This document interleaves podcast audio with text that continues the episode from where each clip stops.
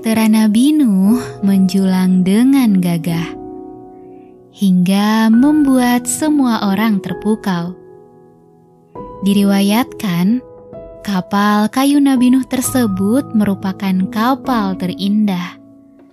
Tidak ada kapal yang lebih indah sebelum ataupun setelahnya.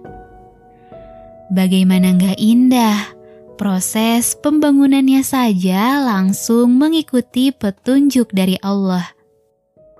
Kapal tersebut menjadi mukjizat Nabi Nuh loh.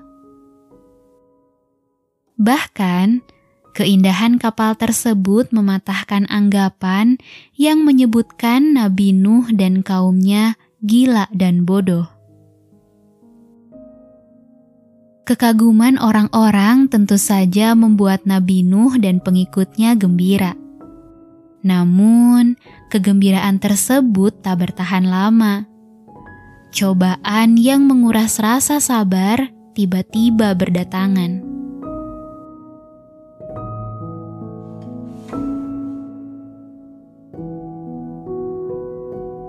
Semua berawal dari penolakan Nabi Nuh terhadap permintaan petinggi kaumnya. Saat itu, setelah menyaksikan kapal Nabi Nuh, para petinggi dan penguasa menyatakan mau menerima ajakan Nabi Nuh. Namun ternyata mereka meminta syarat.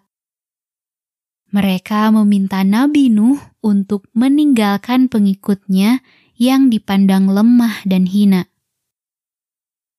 Mereka tidak ingin bergabung dengan orang-orang yang dianggapnya tak selevel dengan mereka.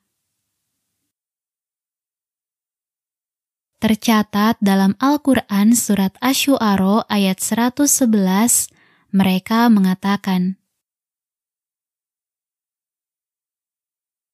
Apakah kami akan beriman kepadamu, padahal yang mengikuti kamu hanyalah orang-orang yang hina. Mendengar pernyataan tersebut, Nabi Nuh tentu saja sangat sedih.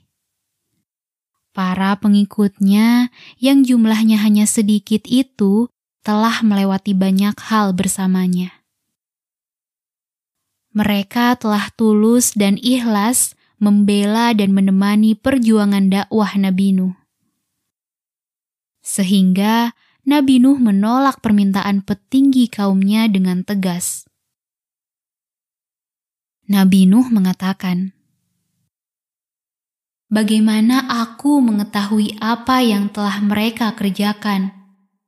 Perhitungan amal perbuatan mereka tidak lain hanyalah kepada Tuhanku. Kalau kamu sekalian menyadari, dan aku sekali-kali tidak akan mengusir orang-orang yang beriman. Aku ini tidak lain hanya pemberi peringatan yang menjelaskan. Pernyataan Nabi Nuh ini tercatat dalam Quran surat Asy-Syu'ara ayat 112 sampai 115.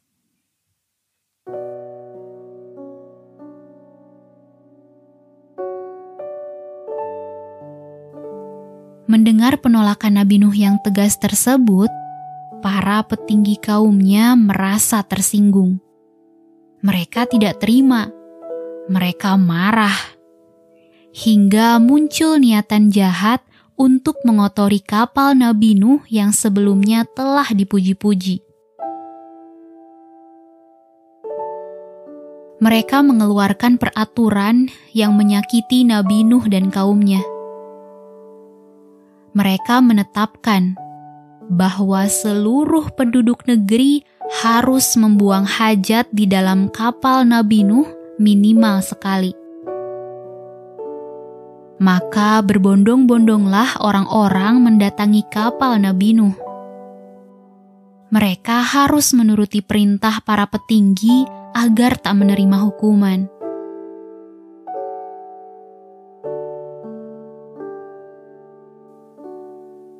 Hari demi hari telah berlalu sejak ditetapkannya peraturan yang menjijikan itu.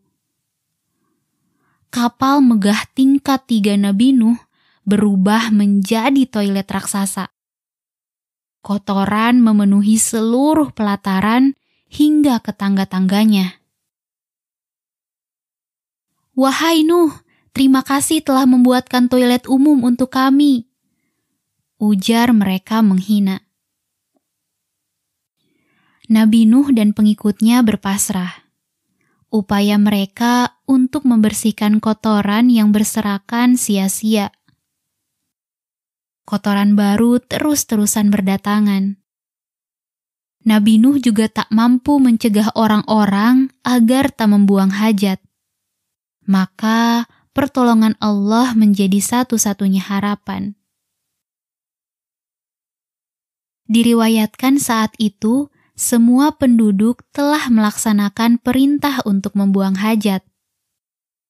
Hanya ada satu kakek tua pincang dan berpenyakit kulit yang belum melaksanakan perintah pimpinan. Maka dengan tertatih, si kakek memasuki kapal dan membuang hajatnya. Kodarullahnya, si kakek tiba-tiba terpeleset dan jatuh ke kubangan kotoran. Ajaibnya, setelah itu si kakek menjadi sehat dan semua penyakit kulitnya sembuh. Padahal penyakit si kakek tergolong parah dan sudah bertahun-tahun tak sembuh. Orang-orang menjadi heran. Si kakek dengan senang dan bangga menceritakan apa yang dialaminya di dalam kapal.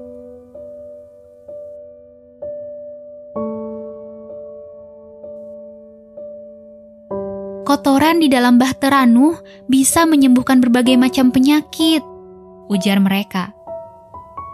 Sontak saja, berita tersebut menyebar ke seluruh negeri.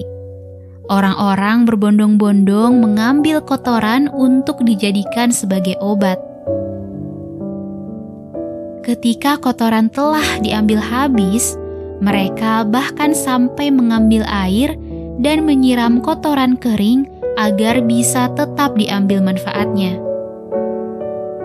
Hari demi hari berlalu, dan kapal Nabi Nuh menjadi sangat bersih. Tanpa sadar, mereka yang sebelumnya membuang kotoran malah membersihkan dan mencuci kapal Nabi Nuh secara sukarela.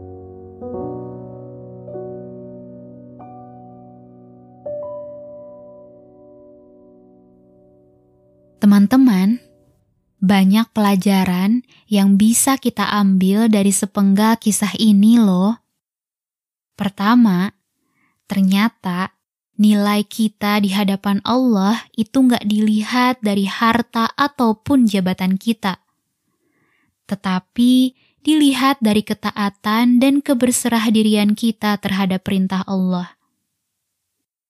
Dalam Al-Quran Surat Al-Hujurat ayat 13, Allah secara tegas menyatakan, Sesungguhnya orang yang paling mulia di antara kamu di sisi Allah ialah orang yang paling bertakwa di antara kamu.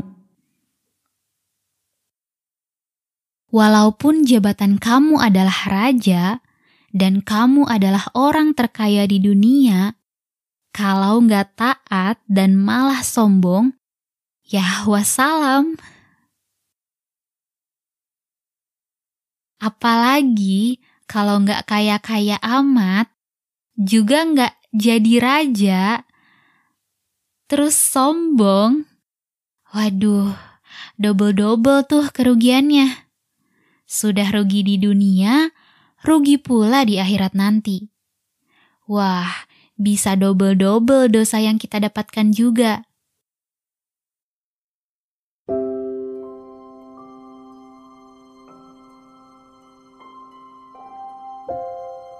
Pelajaran kedua, Kesabaran setelah kita melakukan upaya maksimal akan membuahkan hasil yang sangat menakjubkan. Apalagi kita sudah mempercayakan hasilnya kepada Allah. Allah gak akan menyia-nyiakan perjuangan hambanya. Tiap-tiap upaya akan ada nilainya. Begitupun kesabaran dan upaya yang telah diusahakan oleh Nabi Nuh dan pengikutnya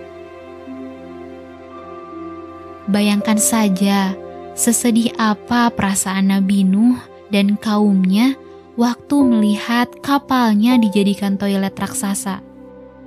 Sedih dan sakit hati gak sih? Apalagi kapal itu tuh ngebuatnya butuh waktu puluhan tahun. Ternyata masalah kapal tersebut dapat diselesaikan Allah dengan cara yang gak disangka-sangka. Bahkan kapalnya jadi lebih bersih dari sebelumnya karena sampai dipel dan dicuci oleh banyak orang.